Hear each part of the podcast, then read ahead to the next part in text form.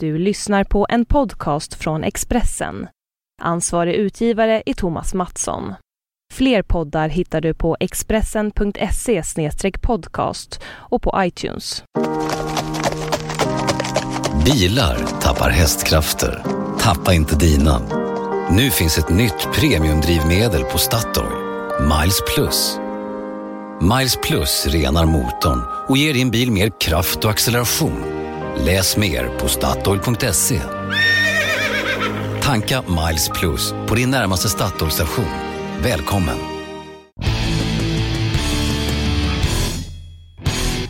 Hej och välkomna till Allt om bilars podcast. Jag heter David Jakobsson och jag sitter och pratar med redaktör Jan-Erik Berggren. Hej Jan-Erik! Hej hej! Hej! Var är du någonstans idag? Uh, nu sitter jag faktiskt på min altan. Vi ska Oj. börja med att be om ursäkt. För vår, vi har haft lite dåligt ljud här i två poddar i rad. Första podden så brusade det från min mikrofon. Och i förra podden så hördes min fru prata i telefon ihärdigt under tiden som vi pratade. Ja, det har jag missat. Och jag sitter ju med lurar på. Eh, Så att jag hör ju liksom inte riktigt allt som kommer in från sidan av mikrofonen. Ja, jag ja. trodde hade, att jag hade hittat en bra plats nere i källaren. Eh, Men det här var ju då en ja, tidig kväll var vi spelade in och då var hon in, involverad i ett väldigt intensivt telefonsamtal bredvid. Okej. Eh, Det var inga hemligheter? Ja, jag, ja, jag vet. Det kan ha varit det. Hon håller på med den här hästtävlingen i Friends Arena. Så det kan ha varit något så här. Ja, ja. Det, Spännande. det kanske är många som analyserar den podden. Nu efter det här? Jag klipper sönder ljudet och så. Men eh, för säkerhets skull så har jag kört iväg henne till eh, Paris. Så det är långt därifrån. Hon borde inte kunna höras. Nej, okej. Okej, ja, det kan man ju förutsätta. Det enda Ja, som det kan höras är en liten hund kanske. Då. ja, men det får vi leva med. Ett skall. Ja, det kan vi leva med. Ja. Ja, ja, jag, jag sitter hemma vid köksbordet. Eh, inga hundar, inga fruar, inga barn. Det är, Det är lugnt och Ja, skönt. väldigt lugnt och skönt. Jag har varit ute och flugit lite så jag har inte riktigt eh, orkat mig in till jobbet än. Idag. Nej. Du har varit i Barcelona.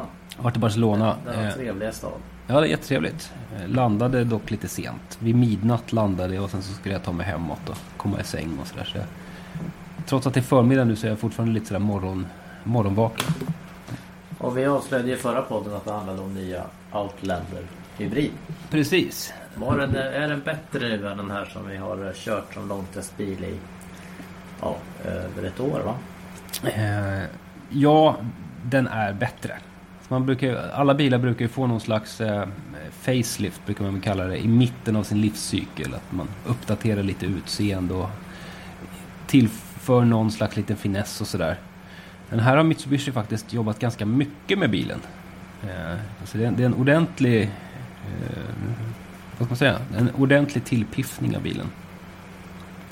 Eh, Men det är samma drivlina. samma drivlina. Det är Samma väl i, i princip det enda som är orört. Ja, de, har, de, har, de, har, de har jobbat lite med den också. De har gjort den så att den blir lite...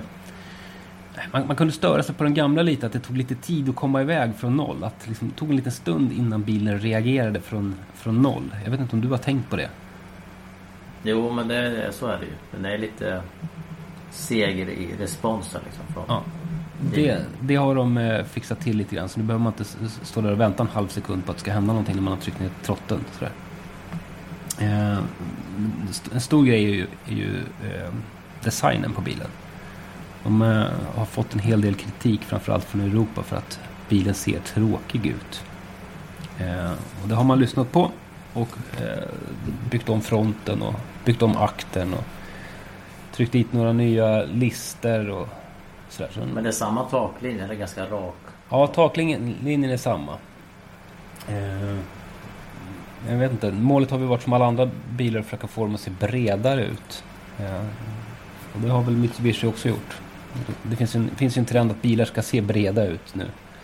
Det är tydligt när man tittar på till exempel Porsche Cayenne, den senaste versionen. Då har man liksom flyttat ut avgasrören så långt, långt ut det bara går för att skapa liksom någon slags illusion av oj vilken biffig bil som kommer här. Mitsubishi eh, Plug-in Hybrid har ju liksom inte så stora avgasrör att skryta med. Så de har ju istället dragit ut eh, dimljus längst ner och längst ut sådär. Någon liten list som ska förstärka den här känslan av bredd. Nya bakljus som, som också ska förstärka det där. Men det här att många gör som ett kupé-tak. Alltså taklinjen sluttar ner på slutet liksom bak. Ja, Det har de inte ändrat på så den ser fortfarande ut som en liksom, fyrkantig bil. ja, ja det gör den ju. Och det där är ju... Det är tur att de inte sänker den där taklinjen för den, den har ett jättefint bagageutrymme, bilen. Ja, och man sitter jättebra i baksätet och man ser jättebra ut. Så Ja. det är ju, den är ju jätteskön att köra, åka i och köra. Mm. Och nu är den ännu skönare att åka i. För att de har, det, det är den andra stora grejen. Mitsubishi är ju en japansk biltillverkare som eh, vill sälja bilar i Europa. Nu har de lyssnat jättemycket på europeiska kinkiga kunder och en, en grej har varit eh, komforten. Och, som, som, och det har de jobbat ganska bra med. Så de eh, visar upp långa listor på olika punkter de har fokuserat på. De har varit och grejat med chassi, de har jobbat med stötdämpare och med, med fjädrar och de har mer ljuddämpade material runt om på olika platser i bilen. De har bytt ut glasrutorna mot bättre isolerade glasrutor. Gjort om fälgarna. De har gjort massa grejer för att få bilen att bli liksom både bekvämare och tystare. Och det har de lyckats med. Det är jätteskön att åka den här bilen nu. Tycker jag. Jag, jag har ju gnällt lite grann på instrumenteringen och, och logiken i olika funktioner. Mm. Att det är lite så här rörigt. Om man får säga det lite typiskt japanskt rörigt. Mm. Så att man, det här moderna begreppet UX-designer, att de inte liksom ha- hade med det från början. Mm. Har man stramat till nu själva ja, knapparna och funktionerna och så. Det mesta skulle du känna igen dig i när du sätter dig i Ja. bilen. Men de har gjort om layouten i eh, p-skärm och sånt där. Det finns en liten annan struktur i det där. Men eh, eh, helt nya grejer är det inte riktigt där. där däremot i kupén så har de ju, har de ju eh, fått till en bättre kvalitetskänsla. Bilen känns lite dyrare inuti nu. Man, i de liksom, eh, om man väljer den högsta utrustningskla, utrustningsklassen så, så har man fått en bättre skinnklädsel med bättre skinn i sådär. Man har hittat lite detaljer som man har uppdaterat materialen i och gjort en ny mittkonsol som är lite mer premium eller vad man ska säga. Eh, och det... Ja, nej, bilen har fått ett ordentligt lyft och känns, här. känns trevlig. Vi har ju haft då förra generationen som långtestbil och vi körde väl upp till 2000 mil va? Om jag minns rätt med, med den allra första. Eh, och sen har vi, bytte vi till den här Seven Summit eh, versionen. Som är lite bara, ja, det är bara lite designförändringar sådär. Lite lister och lite Mm. och nu är det klart sen igår när du åkte hem därifrån att vi ska byta till den här nya versionen. I Okej. höst, sen höst ungefär. Ja. Innan vi hoppar på. Vi har ju haft en annan bil på gång som långtestbil men den dröjer till eh, efter årsskiftet. Jaha ja. Så vi hinner att köra kanske tusen mil med den här nya Outlander också. Ja. Jag har också gnällt på förbrukningen på Mm. bensinmotorn. ja. Det jag har skrivit min eh, text här, då fortsätter jag gnälla över det. För den, alltså, det är ju inte en bil som är gjord för att köras egentligen med, med bensinmotorn.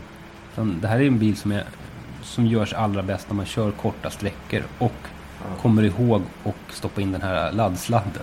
Ja. För att det- är en törstig bil om man bara kör med förbränningsmotorn. Mm. Eller bara kör med förbränningsmotorn, det kan man aldrig göra eftersom upp till 65 km i timmen är det alltid elmotorerna som driver. Men Mm. Men eh, ja, det är en bil som är gjord för att laddas. Och laddar man den så kan man ju komma några mil i alla fall. Jag kommer Var det längre räckvidd eller? Ja, den, Samma. de, de, samma. det är Samma säkert. batterier och så. Ja. Men det är en jättestor säljare i Sverige. ja. Än så länge. Än så länge ja. Nu kommer ju de andra här på löpande band. Nu blir det klart i dagarna att BMW eh, rullar fram sina laddhybrider på Mm. 3-serien här och eh, redan i höst. Och vi har ju berättat i förra podden om Passat GT. Ja, det är Passat. du Ja, då, då, säger det kostar ungefär lika nu då som en Outlander. Ja de, då, det är ju samma prisspann. Och det är naturligtvis den absolut värsta konkurrenten för, eh, för Mitsubishi att, att hantera. Att det är, de har nog gjort den här ordentliga uppdateringen lite med andan i halsgropen kan jag tänka mig. Så när de fick veta att den här GTEn var på gång så har de liksom försökt att möta Olle grind lite. Eh, men eh, vi har ingen annan SUV va? Nej, det, det är ju... XC90 kommer ju då men det är en annan bit. Ja, det är en helt annan prisnivå. Eh, men det är ju alltså, ska man ha en tjänstebil och man vill ha en plug-in hybrid eh, om man är ute efter riktigt stora utrymmen så, så är ju det här en bra, ett bra val. Eh, men eh, det enda som man egentligen inte kan ha hos Passaten det är väl kanske fyrhjulsdriften som Outlander har. Det tror jag attraherar många framförallt här. Ja, absolut. Det är många som tror sig behöva fyrhjulsdrift i Sverige. I alla fall. Ja, ja, nej, herregud. Det är jättemånga som köper Ja. fyrhjulsdrift. Uh, så det är bra. Jag har ju också kört bil sen vi pratades vid senast. ja, du har ju kört Jag någon var- eh, spännande var- bil. Ja, jag var på en spännande resa till eh, norra Spanien, inte Barcelona. Jag var väl så närmast 40 mil, 45 mil kanske från Barcelona, Okej. norrut. Och det var en liten annorlunda upplevelse faktiskt. Jag insåg på flyget ner till eh, Bilbao via Bryssel att jag var nog enda svensk på den här testkörningen. Mm. Det var en specialinbjudning för årets biljury-medlemmar. Vi är ju tre från Sverige så jag insåg att varken Håkan eller Tommy är med. Och ingen annan svensk var där heller på flyget så att, eh, ja, det eh, händer ju då och då att man är själv. Från Sverige. Sen när jag kom fram till flygplatsen så brukar det stå en liten eh, människa där med en liten spade där det står rätt bilmärke på. Mm. Men det gjorde inte det så jag började leta i mina mejl och så här, och skulle jag gå någonstans eller vad var träffpunkten. Men det dök fram två pigga män där, en engelsman och en spanjor. De förklarade att ja, det var bara jag som skulle komma och vi väntade inte på någon annan. Och de hade en bil redo åt mig här ute på flygplatsen. Ja, härligt. jag hoppade in där i en bil och de hoppade in i, en Discovery. Ska vi avslöja nu vilken bil det handlar om? Jag körde alltså Jaguar XF. Eh, och då körde vi iväg där ungefär två och en halv timmes körning till en racerbana. Mm. Och de låg bakom mig. Och vi hade så här kommunikationsradio. Så jag fick sitta själv i bilen med, med navigering och så körde vi iväg. Ja. Och de satt snällt bakom i, i kön där och körde. Eh, sen har vi ju i dagarna lagt upp en film. När jag blir coachad kan man väl kalla det. Runt Navarra-banan. Ja. Vi hade en väldigt energisk engelsman som först visade mig hur man skulle köra runt banan själv. Och så bytte vi så fick jag köra och så satt han bredvid. Och verkligen helt, helt coachade. Jag har sett den här filmen. Jag hade ju kört av banan direkt med allt det där snacket i bilen. Och han var jätteduktig. Alltså, det var superbra liksom. För han Men- körde ju samma snack när han körde själv. Ja. Och så när jag bytte så här, du tror att jag kommer komma ihåg det där nu liksom? Ja, ja men det är lugnt. Du kommer, du kommer att klara det här jättebra liksom. Och sen in in. Jag tycker det är jättesvårt att ta instruktioner samtidigt som man ska köra bil i full fart på en racerbana. Nej men han var ju så här, han pekade verkligen med hela handen. Så, så han skriker i filmen. Push hard, push hard. Break, break!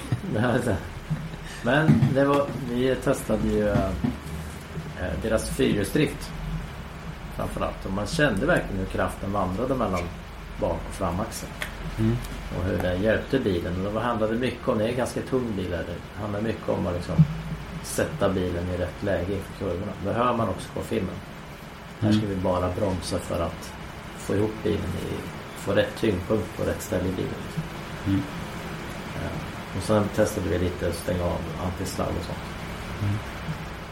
Men det var faktiskt en väldigt trevlig bil. fick du köra den på vägen också någonting? Ja, vi körde på väg. Sen körde vi därifrån till ett eh, hotell i Pamplona. Och dagen därpå så gav vi oss upp i Pyrenéerna. På Okej. gränsen till eh, Frankrike. Jag tänker mig att det var där uppe där eh, Johan Myhlegg höll till och tränade från ett skid, längdskidåkningsställe där vi käkade lunch. Okej. Och Tour de France passerade precis de här vägarna. Rätt mycket cyklister som får runt där och var i vägen kan man säga. Eh, fantastiskt fint. Jätte, jättefint om man nu ska åka på semester någon gång. Så många åker till södra Spanien. Mm. Eller eh, Costa Brava där, i- där du var till. Men norra var ju, det var jättefint. Grönt och alltså frodigt och fina små byar och ordning och reda. Ja. Så jag förstår kanske att det här var som någon sa där, den här killen som åkte bakom mig hela resan när han var från Barcelona och sa "Ja, men det här är, det här är den rikaste och mest välmående delen av Spanien. Mm. Och de ville också vara själv, självständiga. Mm. I basken där. Men eh, eh, sen från lunchstället så frågade de så ja, nu ska vi egentligen åka tillbaka till hotellet men Och så får du skjuts därifrån till flygplatsen. Men om du vill så får du köra. Det är tre och en halv timmes körning. Ja, det är klart att vi ska köra. Liksom. Mm. Så jag tror jag satt i den här bilen i 7-8 timmar på två dagar. Det är mycket körning nu. Det är mycket köra. Det tackar man för. Mm. Det visste att jag var inte helt själv. Det var, vi var fyra stycken jurymedlemmar där.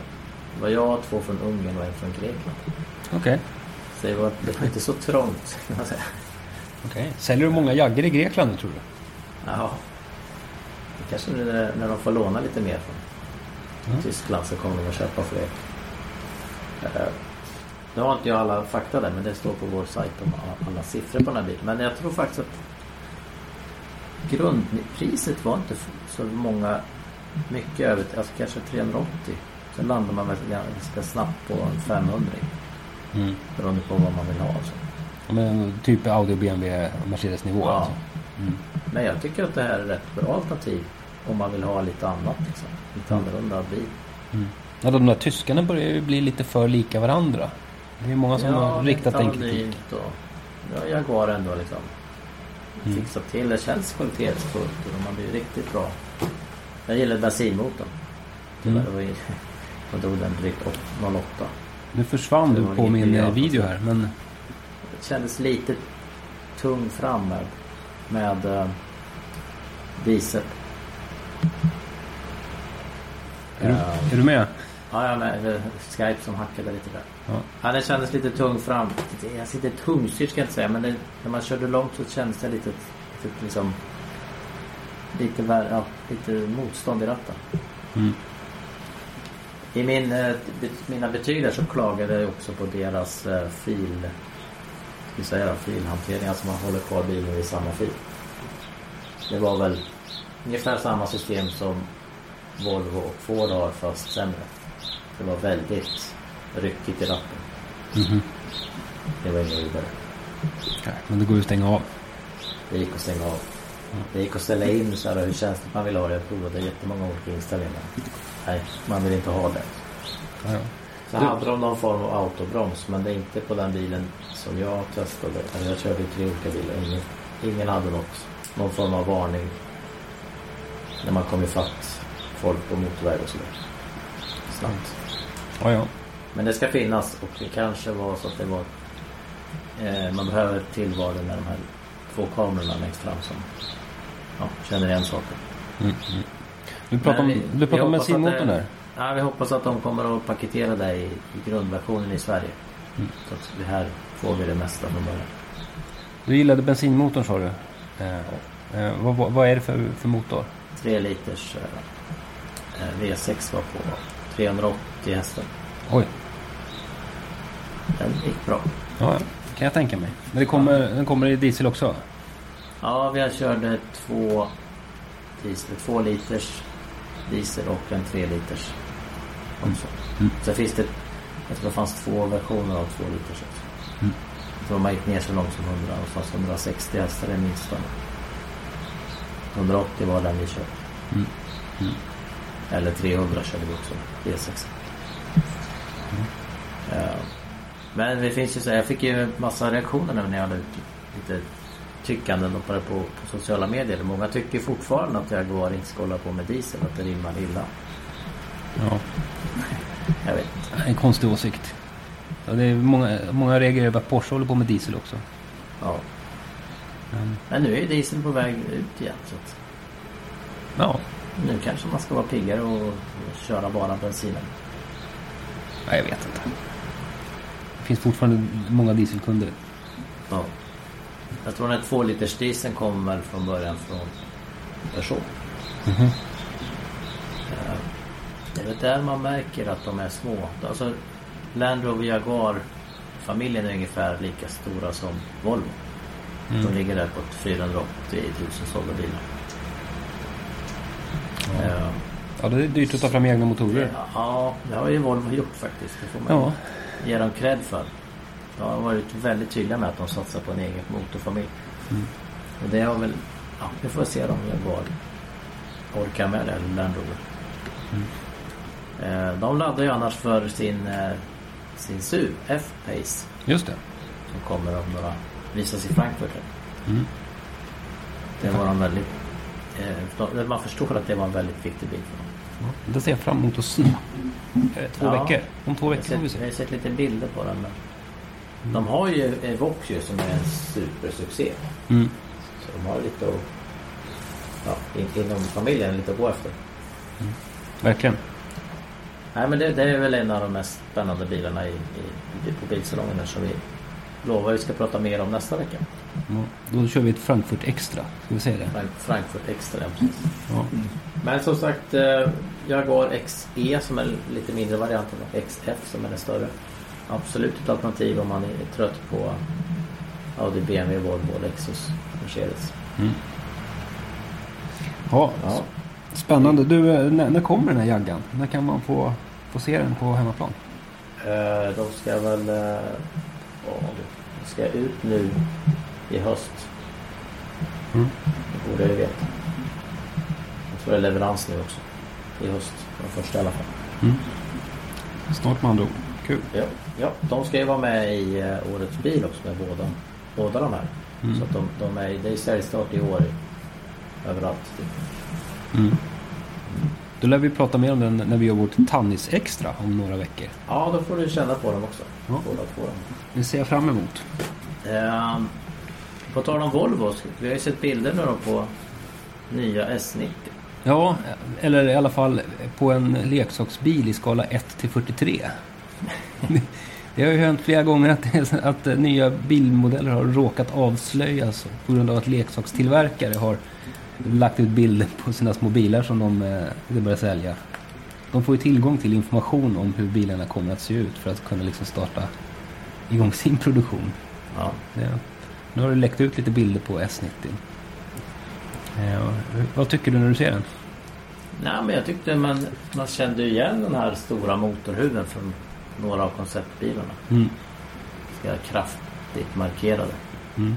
Sen pratade jag med en kollega till oss som faktiskt har sett bilen på riktigt. Mm. Som sa att det stämde kanske inte helt till hundra. Den här leksaksbilen. Ja, det var akten som det var synpunkter på. Har jag hört Ja. också. Ja. Ja men den ser ju rätt snygg ut. Mm. Man, det, är ju, det är ju XC90-plattformen då så att man Man känner igen den också tycker jag. Mm. Just på den här motorhuven och lite, ja, lite fyrkantiga.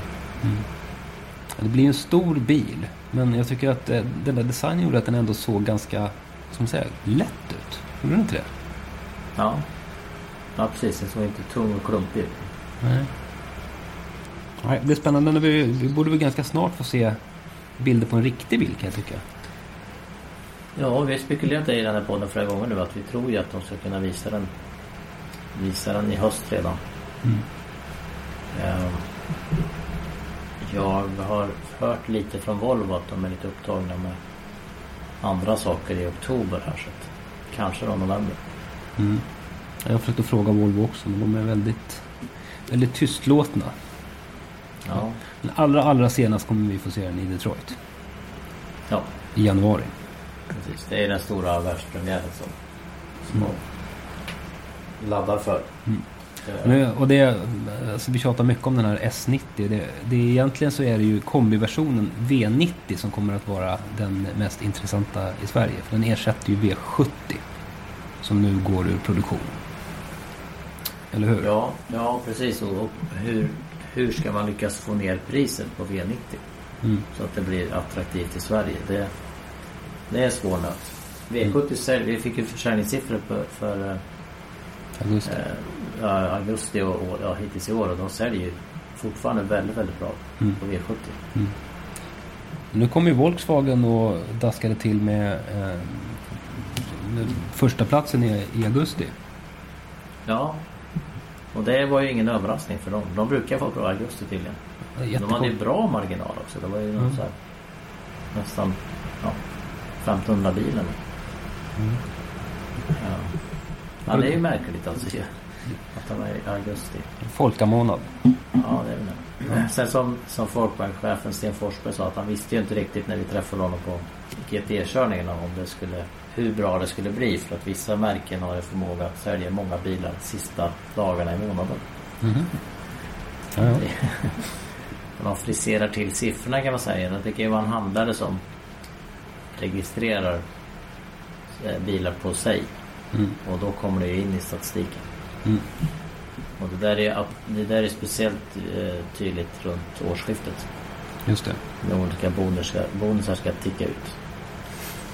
Det är må, många bilar som säljs där i mellandagarna. Konstigt nog. Ja. Folk mellandagsrea liksom. Viktig i bilbranschen. Ja, ja, det är väl så. Men du, eh, Volvo har ju lite nyheter också som faktiskt eh, börjar, har börjat rulla redan. Vi har ju pratat om eh, V60 Cross Country tidigare. Det var väl i Ja. våras som jag var iväg och körde den där bilen. Och den pratade vi rätt, rätt ordentligt om. Den börjar ju säljas nu. Ja, i helgen va? Eller förra helgen. Ja, förra helgen kanske.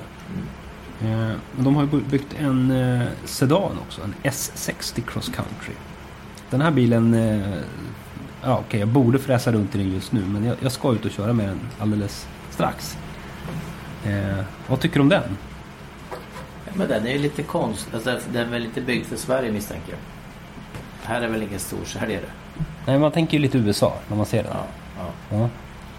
Men är det inte lite tufft att man... Alltså, det har väl blivit någon sån här konstig sanning att eh, om en bil i offroad-kostym måste vara kombi.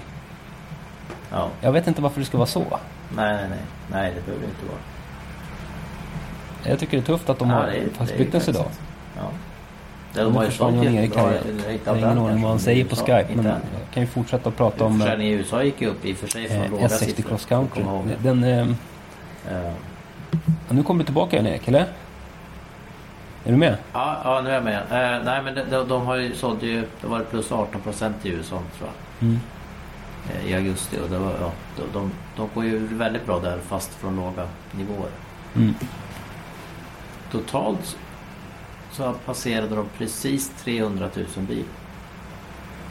300 000. 300 och sådär. Mm. Eh, är väl så bra. deras målet på 500 000 kan bli tufft tror jag. Mm. Eh, Det är framförallt Kina som dippar. Mm. Mer än vad man hade befarat. Jag tror Volvo tror jag hade räknat med så här 4-5% ner liksom i Kina. Men det blir nog mer. Det känns som att det bara var ett år sedan som alla trodde att Kina aldrig någonsin skulle kunna dippa. Och att det handlar bara om att få fram så många bilar som möjligt så skulle man tjäna oerhörda pengar i Kina. Ja. Vad hände? Nej, jag vet. Nu var det börskrasch och grejer. Så att, Ja. eh, nej, men det är ju det här. Det, det är att medelklassen där ska ha råd att köpa bil. Och, och blir det minsta dipp i ekonomin liksom så, så eh, har väl de... Kanske de börjar bli nervösa. Mm. Att de verkligen, om de verkligen ska kunna ha råd att köpa bil. Sen har de enorma problem där med luftkvalitet och ja, utsläpp. Och så, och så det kan ju hända saker att en, en, eh, en stads liksom, regering typ säger att nej det här går inte. Nu måste vi förbjuda alla bilar. Mm. Men det, det är så här. Det, det är ingen demokrati. Det är ju som, de kan ju bara över en natt ta bort bilarna. Mm. Och de här problemen med miljö och lite annat gör ju att det är lite skakigt fortfarande. Ja, Du har, du har ju varit där, känt på. jag har varit där och känt på luften. Jaha. Ja, Så jag pratade med några Volvo-människor de sa att "Nej, man springer inte ut och joggar direkt i stan. nej. nej. Men de, som du säger, de, de har ju liksom eh, det där politiska systemet kan man ju ha många, många sy- synpunkter på. Men, men när de vill att någonting ska hända så kan det ju hända ganska fort. Ja, Alltså, till åt alla håll. Men det finns ju massa städer där de exempel bara säger nej vi ska inte ha några tvåtaktsskotrar längre. Nej, smack så är de borta. Med liksom jätteresultat för luftkvaliteten. Exempel. När jag var i Chengdu så såg jag en väldig massa människor som själva hade elkonverterat sina gamla moppar. Så här, som de höll på att tjuvladda. Det var liksom en liten elmotor och ett batteri de hade klämt in där. ja, ja. Det var väl ändå coolt. Ja. Ja. Men eh, sen har de ju haft en framgång också i veckan med sin XC90. Ja, de har ju smält den. Euro NCAP har krocktestat den med Ja. ett fantastiskt resultat. Jag, jag har inte läst eh, hela rapporten där men, men eh, Men framförallt var det ju de här hjälpsystemen. Ja. Alltså autobroms och så de fick väl 100% i utdelning mhm. på. Och de var väl... Audi Q7 krockades ju samtidigt och den var så här aningens, aningens, aningen bättre på barn, barnskyddet. mm. Det kan de skruva till. Men jag tänkte på det, vi, vi får ju ofta kritik för att vi liksom ger Volvo så jättebra betyg på säkerhet och jämfört med andra ja, Audi, BMW, Mercedes och så här. Och, och folk säger ja men de har ju också autobroms och de har ju samma saker som Volvo. Ja men de, det är inte lika bra. Liksom. Nej. Det, inte, det funkar inte lika lika höga hastigheter. De känner inte igen lika många faror. Mm. Och det är skillnad och nu fick vi ju kvitto på det. Eller Volvo också fick kvitto på det. De är mycket bättre. Liksom. Det är väl den bil som har fått högst poäng nu. Ever. Eh, ja, det verkar så. Jag kommer ihåg det är ju en jätteframgång även om så här, det är klart, Volvo har ju siktat på det och vill ha det men att de också nådde dit. Ända ända upp i toppen. Vi pratar om, eh, när vi sitter och pratar om Volvo och, och autobroms. så Ska, jag- nu är det via Skype och man kan inte se det här i, i podden riktigt. Men jag kan visa dig kanske Jan-Erik här. Jag fotade när jag faktiskt använde autobromsen i S60 Cross Country häromdagen. Men jag ser inte det av någon anledning. Ser du inte det? Jag ser bara din eh, profilbild. Jaha. Ja men den Du är får trycka på videon där nere tror jag. Ja men den är på. Den är redan här på. Nu då? Nu ser jag det. Ja. Här visar jag Jan-Erik en bild där det står autobroms aktiverad. Oj. Vad körde du in i garaget? Nej, jag kö- körde eh, i en stor korsning i, eh, i Bromma. Och en bil helt plötsligt bara tvärnita framför mig. Till synes helt utan anledning. Det var helt rent på vägen. Men bilen var tvärnita framför. Och jag hann inte ens flytta foten till bromspedalen. Men eh, Volvon bromsade. Faktiskt. Härligt. Ja. Jag, jag fick väl ganska hög puls och eh, blev lite svettig sådär. Men eh, ja, Det funkade. det funkar alldeles utmärkt. Det är andra gången, eller möjligen tredje gången faktiskt, som jag provar Volvos autobroms lite sådär. Mm.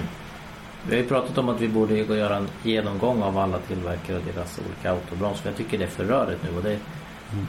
Jag vet inte varför de, de inte berättar exakt hur det fungerar.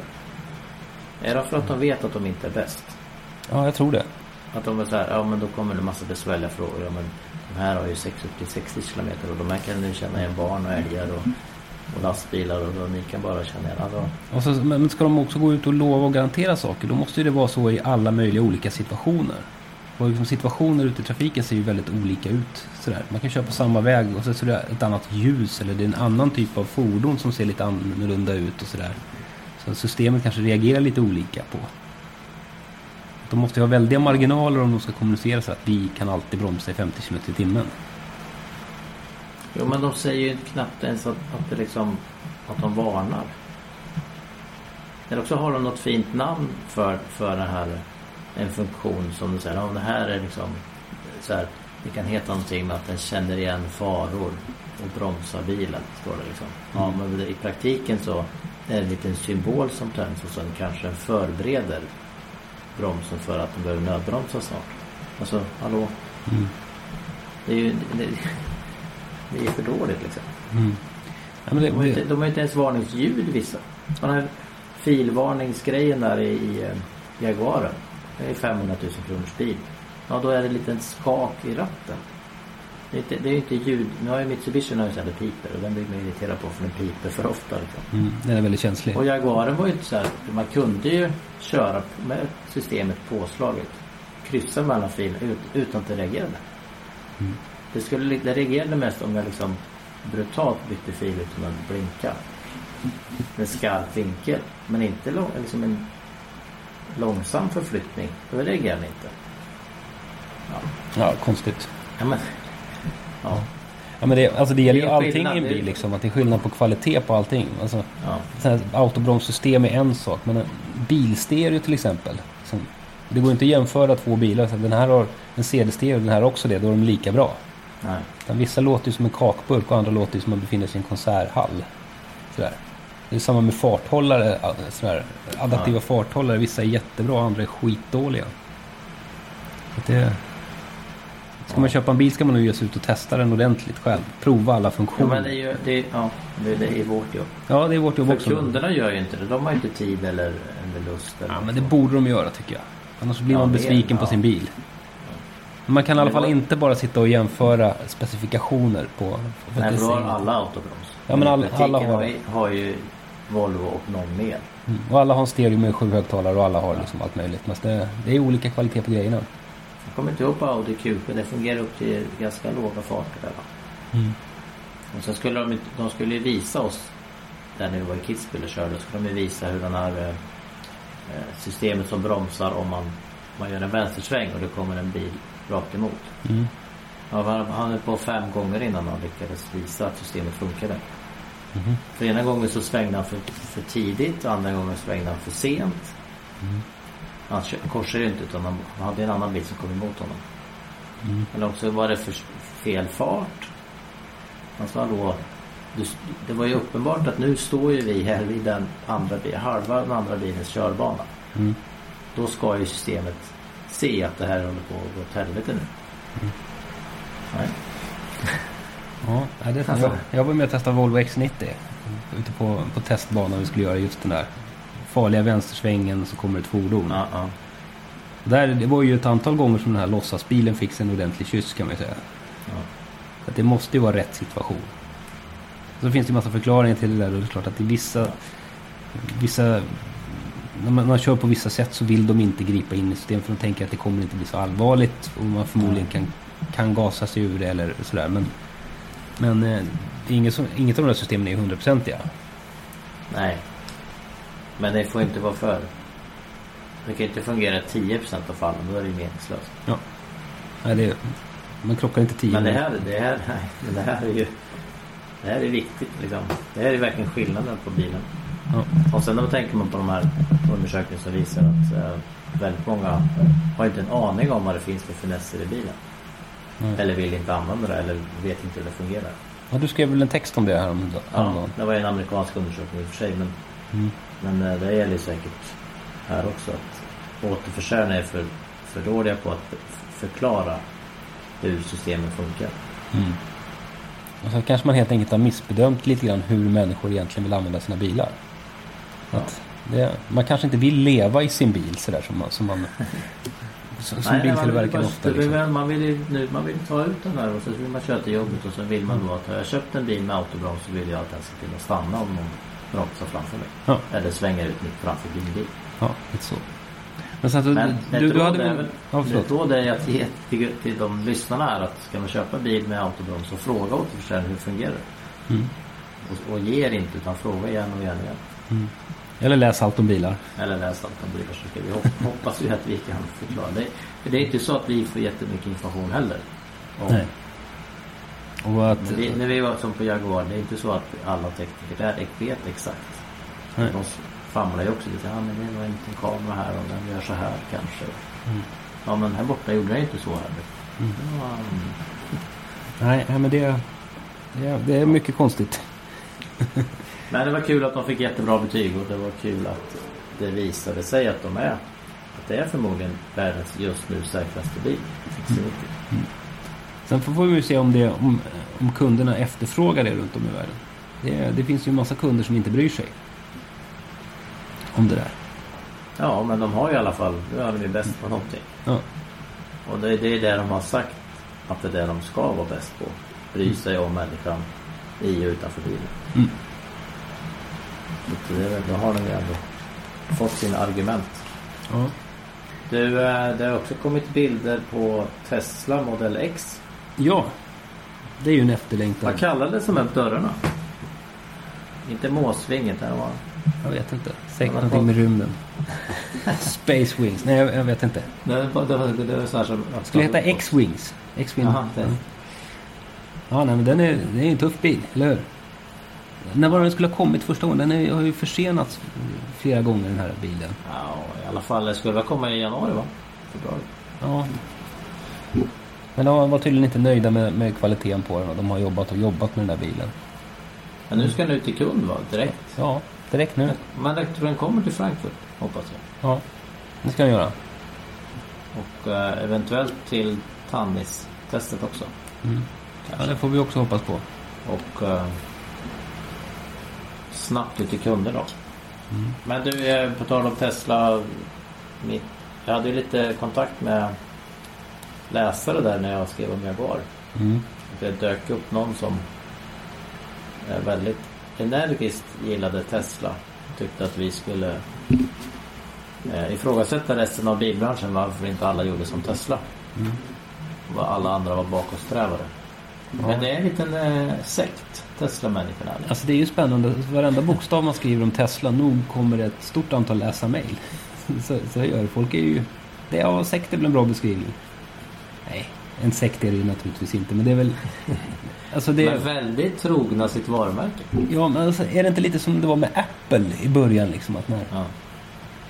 alltså, Apple var ju, hade ett väldigt, väldigt speciell status. Och de var liksom, prestandan var sämre än alla PC-datorer och sådär. Men, men eh, nog var de bäst i världen i mångas ögon. Jag, försökte, jag, jag, jag var lite elak så jag provocerade. Jag skrev att eh, ja, nej, men det, är väl, det är väl bra teknik. Det är bara synd att bilarna är för dåliga och kostar för mycket. Mm. Så det, Nej, jag förstår, det, det frustades lite på andra sidan tangentbordet där. Och, Ja. när de skrev sina svar. Det var, Nej, men det, det, är, det är konstigt det där med, med, med Teslorna. För att eh, kunderna, de, nu kom det en sån här rapport från Consumers Report som, som vi, liksom, Tesla sprängde deras betygssystem. Av 100 möjliga poäng fick den 103. Sådär, I kundnöjdhet. Alla var så superdupernöjda med sina bilar så att systemet inte pallade det. Men samtidigt så hade de liksom Eh, ja, men de var ju inte helt nöjda med kvalitet och det var liksom massa sådana små, eh, eller inte massa, några små grejer som de ändå anmärkte på. Eh, jag vet inte, folk verkar vara beredda att ta vad som helst bara, bara, bara de har den där prestandan i bilen ja. Eller vad är det? Och det är ändå en bil. Det, det, det är en sak om det, om det var människor som inte har kört andra bilar. Men det är ju ganska många som, som är liksom bilintresserade. Mm. Som faller pladask för den här bilen. Ja, Ja, jag tycker det är konstigt. jag vet inte, vad, du- har ju kört Tesla såklart. Vad är, Nej, jag tycker inte att, jag tycker att den är lite för tung och det, det, är för, det är rätt, det är inte så jättebra ihopskruvat och det är lite fatt, ja, känns som att det fattas lite saker och sen är det ju fantastiskt att köra alltså det är ju bra prestanda liksom. ja, Gå ra, fort rakt fram. Men, ja. Och rakt fram är ju nyckelordet här. ja, men det är många som kör bara rakt fram. Nej, jag, första gången jag körde en Tesla så det var och för vinterväglag och vinterdäck. Och det, tycker jag en bil ska klara ändå. Men det, det, då var jag, tyck, jag blev nästan nervös över att bilen kändes så tung och var så, den krängde så mycket. Eh, när, man bara rörde ratten lite grann. Ja, men det, är som, det är som att sitta på ett, eh, jag brukar kalla stryken. Stryken är bra så här, ful, Mm. ful begrepp. Men det, jag förstår vad du menar, att det känns så tungt.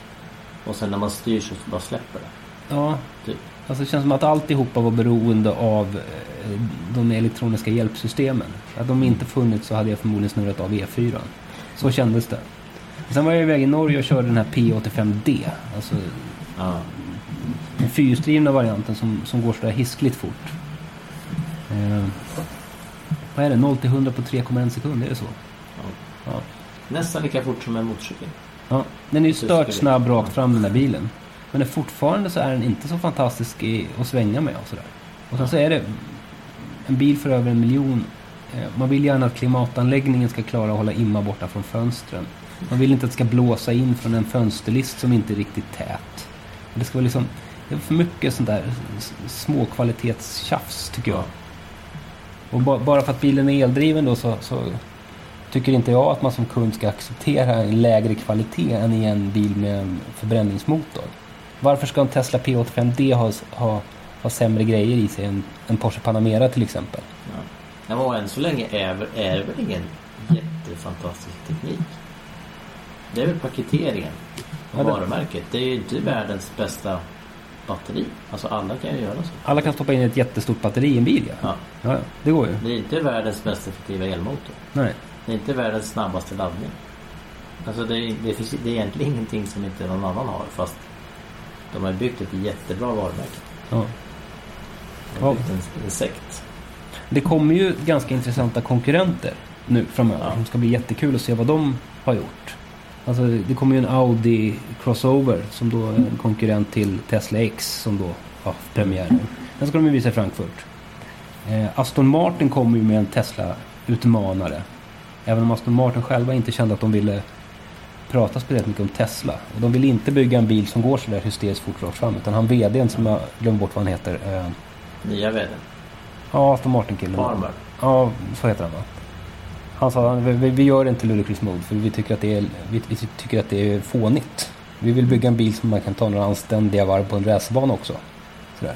Alltså menar att vägegenskaperna inte, inte är okej i Tesla. Ja. Så det blir, det blir spännande Men det, blir, det är ett jättekonstigt läge för om man, om man säger som vi säger nu. Mhm. Då säger Tesla-människorna så här. Nej men ni är bara Ni är typ bara liksom går i bil, den etablerade bilbranschens ledband. Mm. Ju det. Alltså, ni har Mm. jobbat för mycket med det här. Ni, ser, ni är inte nytänkare, ni är bara nej-sägare. Ni klarar inte av ny teknik eller något Mm. nytt. Liksom. Mm. Men det där kan vilken PR-avdelning som helst snickra ihop. Och det är, det är någon PR-människa som har snickrat ihop de där uttalningarna som de kommer med. Ja men när man får höra det från människor. Ni, ni, bara, ni, ni, ni, ni tycker bara om tyska bilar och Volvo och så. Ni, Nej. ni, ni, är inte, nej- ni är bara nej-sägare. Ni klarar inte utveckling. Men det är ju inte utveckling. Alltså, den är ju för dålig för det priset. Mm. Men det finns ju andra elbilar som vi älskar. Till exempel. Ja. Alltså nu blir det Jo, fritt. det några några tyska exempel typ- här då. Jag tycker jättemycket om e-golfen. Fantastisk bil. Jag Ja. gillar BMW i3. En grym bil. Jo men det är de etablerade stora tillverkarna som, som vi har kört i 20 år. Liksom. Men det kan ju vara så här också att de kan bygga Mm. bilar. Ja. De har lärt sig någonting på de här åren när de faktiskt har byggt bilar. Man, man kan säga så här, ja, men ni, då kan vi säga tvärtom. Men alla som gillar Tesla, ni är bara offer för en duktig PR-avdelning och ett fantastiskt varumärkesbygge. Ja. Ni, ni kan ju inte se liksom, bilen för vad den är. Ni, alltså det finns ju den sidan också. Mm. Sen är det ju inte... Jag, jag, skrev till svar till den här ki- killen till slut att jag tror faktiskt inte att Elon Musk tänker bara bilarna. Jag tror hans grej är batterier. ja. Han har byggt ett varumärke via bilbranschen. Och sen satsar han på den här eh, Home Battery med eh, solceller. Ja. Ja, Kanske är han, så. har, han har ju liksom byggt... Och nu Apple, vad kom de först med? Eh, ja, men han han har byggt liksom en cool produkt som bygger varumärket snabbt, Mm. effektivt. Mm. Liksom.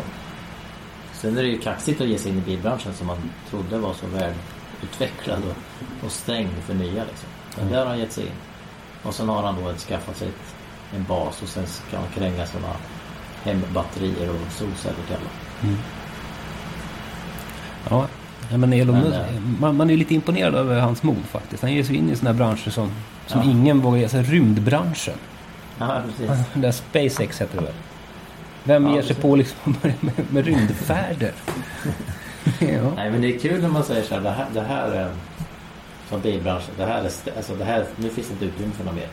De Mm. pratar ju om att de blir, blir färre och märken ska bort för det är för många och vi har inte råd att ha så många. Liksom. Nej. Där, är det, där ger man sig in. Mm. Så om någon skulle räkna upp liksom, branscher där man inte ska vara typ, så skulle bilbranschen vara kanske på topp tre. Mm. Det är ingen idé att försöka för de är så etablerade och stora. Mm. Nej, det, då tar man den. Är kul. Olja är ju ett liksom. Inte ska man starta en bensinmack idag. Mm. Men det är ju folk som gör det också. Ja. Men man ska säga om Tesla, vad de har lyckats med det är ju att göra det liksom att göra det coolt med eh, miljövänliga bilar. Det har ju faktiskt Ja. ingen annan lyckats med innan. Nej. Att Och plötsligt... enkelt. Alltså Det är ju plötsligt faktiskt enkelt att köra. ja, ja. Men, men att, att, att är åka runt i en. Tesla är ju en väldigt tydlig symbol. Så därför. Det här är någon människa som har tagit ställning för miljö. Men Ja. samtidigt så, så är det en bil som ändå är lite läcker att titta på och skön att sitta i. Och så går den väldigt fort. Liksom. Det, det är ett bra statement i den här bilen. Och det har, de andra, det har de andra inte nästan velat göra. Det är BMW som kör sin i-serie men de har ju inte velat liksom, köra ett parallellt spår med så här, det är ju inget statement kanske att köpa en eh, Passat GTE. Nej, nej det, det är ju inte det. Nej, men, eh, alltså, Men det har ju en nä- i3 är ju inte tillräckligt, alltså det är inte riktigt samma sak. nej. och, och hur sugen är man på att köpa liksom, vad ska vi säga, en Toyota Prius? Hur tuff är den egentligen? Eller, det, det, det där har också Frankfurt nya Prius. Ja. Men eh, ja, jag tror fortfarande att Tesla är mer eftertraktansvärd än, än vad, vad Prius är. Där, där har de Ja, men det, kan ju, det där kan ju svänga nu när vi får andra bilar med samma prestanda. mm. Så det borde ju det vara samma ställningstagande att köpa den där Audi E-tron Q5 eller vad det om det nu ska heta något Eller sånt. Q6 eller... Ja, Ja. men ja, det Ja. blir intressant att följa. Ja, verkligen. Du, lite kort bara, jag ska dra till nytt. Winterkorn verkar få stanna som VD för Folkvagn fram till 2018. Ja, Martin Winterkorn som vann maktkamp med Ferdinand Beach. Eh, Den gamla fotbollsmålvakten nu som, som överlevde den här maktkampen och, och cementerat sig på VD-stolen fram till 2018. ja men Men samtidigt var, verkar han gå miste om eh, att bli ordförande. Han ville ju bli Beach efterträdare. Och det var Mm. egentligen det som utlöste maktfaktorn. Sägs det från början. Mhm. Pitch kände sig lite hotad. Han ville inte sluta nu. Ehm, så då verkar han körd för det jobbet och istället pratar man om den här uh, Reitzke, Reitzke, DN, som sitter på Continental nu, att han ska kunna bli ny ordförande. Okej. Och sen har nu då man pekat ut eh, vilka som kan tänkas bli Winterkorns ersättare. De har tre år på sig att visa upp till Mm. Eh, typ, Porsche-chefen var tydligen inte för gammal men det var Stadler från Audi och det var någon finanschef och det var han eh, eh, Jag kommer inte ihåg vad han heter nu. Dies var som är Folkbankchef. Mm. Så vi vill se. Men Winterkorn har säkrat sitt jobb i tre år till. Ja, silly season i, i En bilvärlden. annan folkvagnnyhet var att de ska sälja sina 20, eh, 19 19,9 procent i Suzuki. Okej. Det samarbetet som varade sedan 20, som har funnits sedan 2009 är nu över efter att de har bråkat i fyra år. Det skulle ju det här så Suzuki skulle hjälpa Folkvagn att komma in i Indien och Folkvagn skulle hjälpa Suzuki med teknik för autobroms och det här som är så dyrt. Mm. Men det blev ingenting av någonting. Det blev inte ett enda projekt. Och det sprack redan 2011 tydligen när Suzuki köpte motorer från Fiat. Mm. Dieselmotorer. Men nu, är det, nu bråkar de till och med om vem som ska få köpa de här 19,9 procenten. Folkvagn vill säga det till vem som helst och Suzuki säger att de ska få tillbaka det. Ja, ja. Ja, bråk, bråk, bråk. Men det verkar som att Winterkorn har väl liksom inte satt ner foten. Han verkar, han verkar vara en i hårding. Formel 1 va? Ja, Vin- Winterkorn lär vi väl då få höra prata på de här Volkswagen Group Night som eh, dyker upp i Ja. samband med bilsalongerna Frankfurt och Genève. B- brukar Ja. ju prata en hel del. Han brukar ha ett eh, anförande så här, som en politiker står och mässa. Brukar tycka lite synd om eh, bilindustrin. Ja, framförallt. Eh, ja, men det, det hade påståtts att Peach var anledningen till att Folkvagn aldrig gått in i Formel 1. Mm. Det kanske blir nu då. Det kanske blir nu då. Men det känns så sent för nästa år va? De bygger ny, nya bilar till 2017. Mm. Nästa år kommer det inte hända mycket. Det ryktas om lite bredare däck och andra vingar och sånt till 2017. Ja. Ja. Det är väldigt lugnt inför nästa år. Det är tråkigt. Ja, det kom ju nyheten för en liten stund sedan om att eh, Williams-förarna blir kvar i teamet. Valtteri Bottas och Felipe Massa. Eh, nej, alla stannar kvar. Det var en jättetråkig silly season. Marcus stannar kvar, vi pratat om. Hylkenberg stannar kvar, kom häromdagen. Ferrari-förarna stannar Eh. kvar. Red Bull kör vidare med Kviat och eh, Ricciardo. Mm. Kviat var väl, ja, så här, man har ju visat bra form. Eh, Lotus väl också en, veck- eh, en nyhet där nu att Renault har lagt ett bud på, var det 60% av Lotus va? Just det. Och regle- dessutom reglerat lite skulder hit och dit som Lotus var skyldiga Renault lite pengar så har de strukit det. Och lite grann var de tydligen snälla mot eh, Maldonado som ju bidrar med, vad är det 300 miljoner va? Mm. Från något statligt eh, venezuelanskt bolag. Man är ganska snäll mot människor som bidrar med 300 miljoner. Så, så. han är nog kvar också och Grosjean har gjort jättebra på pallen senast så att han är säkert kvar. Mm. Så de Det stod något så här att ja, nej, men man räknar med att Renault kommer att hedra kontraktet med Maldonado så att han är kvar 2016 med option 2017. Ja. Ja, så det är inget där. Det är väl Jag såg någonstans att det ryktas, lite om eh, McLaren då. Button och uh, Kevin Magnusson. Jag såg en dansk tidning, jag läste över axeln på en man i planet allt. Då var det så här, ännu en dörr stängs för Magnusson. Men Nej, jag tror inte han rör Button. När jag var på Jaguar pratade jag med de här britt, britterna som jobbar i Jaguar. Några hade jobbat med eh, Jaguar när de var i Formel 1 och Så här, de sa att Button är jättepopulär i England. Mm. Jättesympatisk. Alltså han, han är så här folklig verkligen. Mm. Så jag tror inte Honda rör om. Vill han köra vidare så kör de vidare. Ja, kanske är så. Du... Mag- Eh, Mag- Magnusson är lite, vissa är lite kritiska mot honom så här. Mm. Var inte Ja. så bra första åren. ja, men det... Jag vet inte. Då är man riktigt kinkig. Jag tycker han gjorde jättebra ifrån sig. Ja. Eh, men eh, Maldonado är ju spännande. Han behöver nog de där 300 miljoner för att få stanna. Tror du inte det? ja. Han kraschar ju. Alltså, Han kraschar han- Det finns ju till och med en sajt som heter uh, Has Maldonado, Maldonado crashed today.com tror jag det är. Ska man k- klicka där så står det så här yes eller no. Och så, så är det ett urverk som räknar från hur många dagar sedan är det han kraschade. Det är ju skitroligt. Det liksom, Killen kraschar ju i alla möjliga situationer. Testa att göra en sökning på YouTube på Maldonado och krasch. Då får man liksom många, många roliga skratt där. Marcus kraschade ju Ja, Belgien här och då. Jag pratade med Eje förra, förra veckan. Och han var så här, "Ah, det är första gången han har kraschat någonsin. Typ. Länge, i alla fall i Sauber. Och det var inga problem i teamet, det var inga hårda ord och det var ingen gnäll utan bara ja ja. Så bygga, bygga bil och så ut igen. Mm.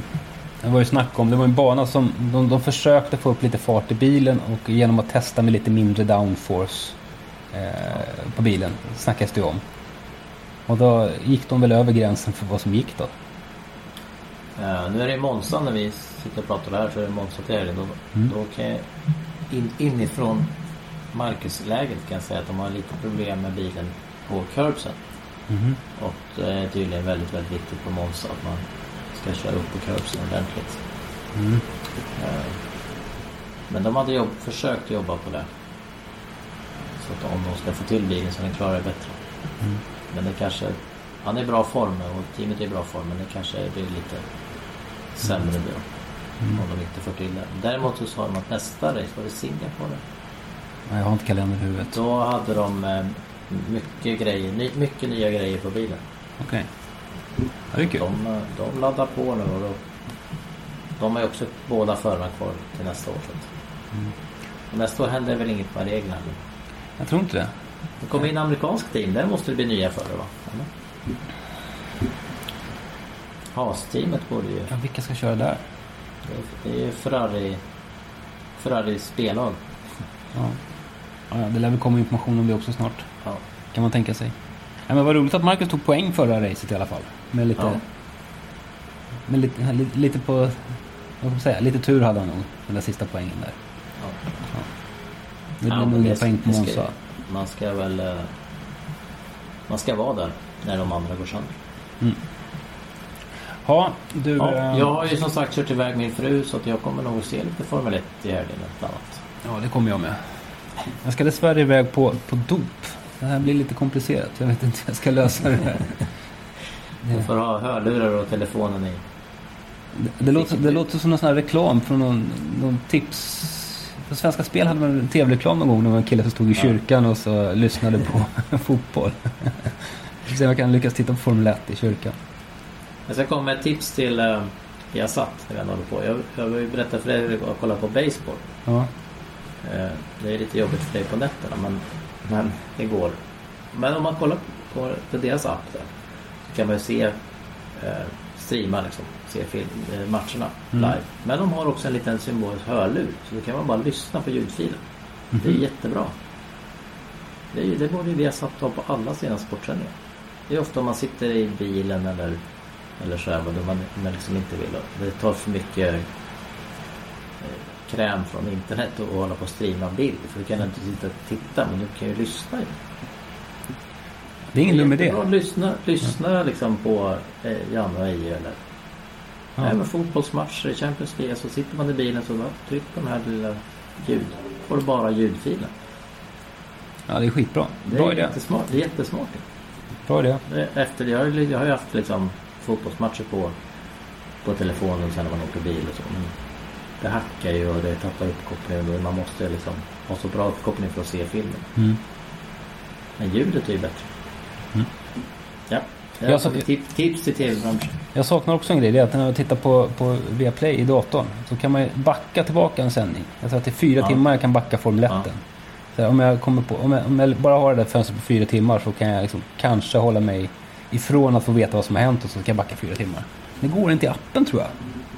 Är inte det? Nej. kanske inte. Så då måste jag ha min dator. Det kan ju ställa till det ibland.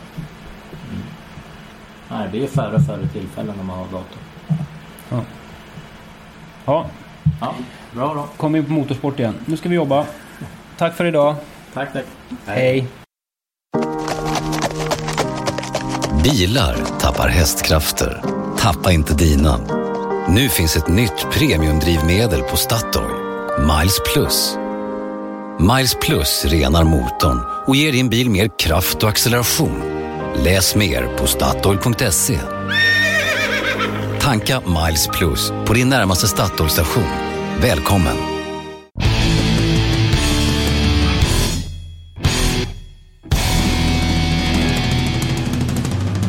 Du har lyssnat på en podcast från Expressen. Ansvarig utgivare är Thomas Mattsson. Fler poddar hittar du på expressen.se podcast och på iTunes.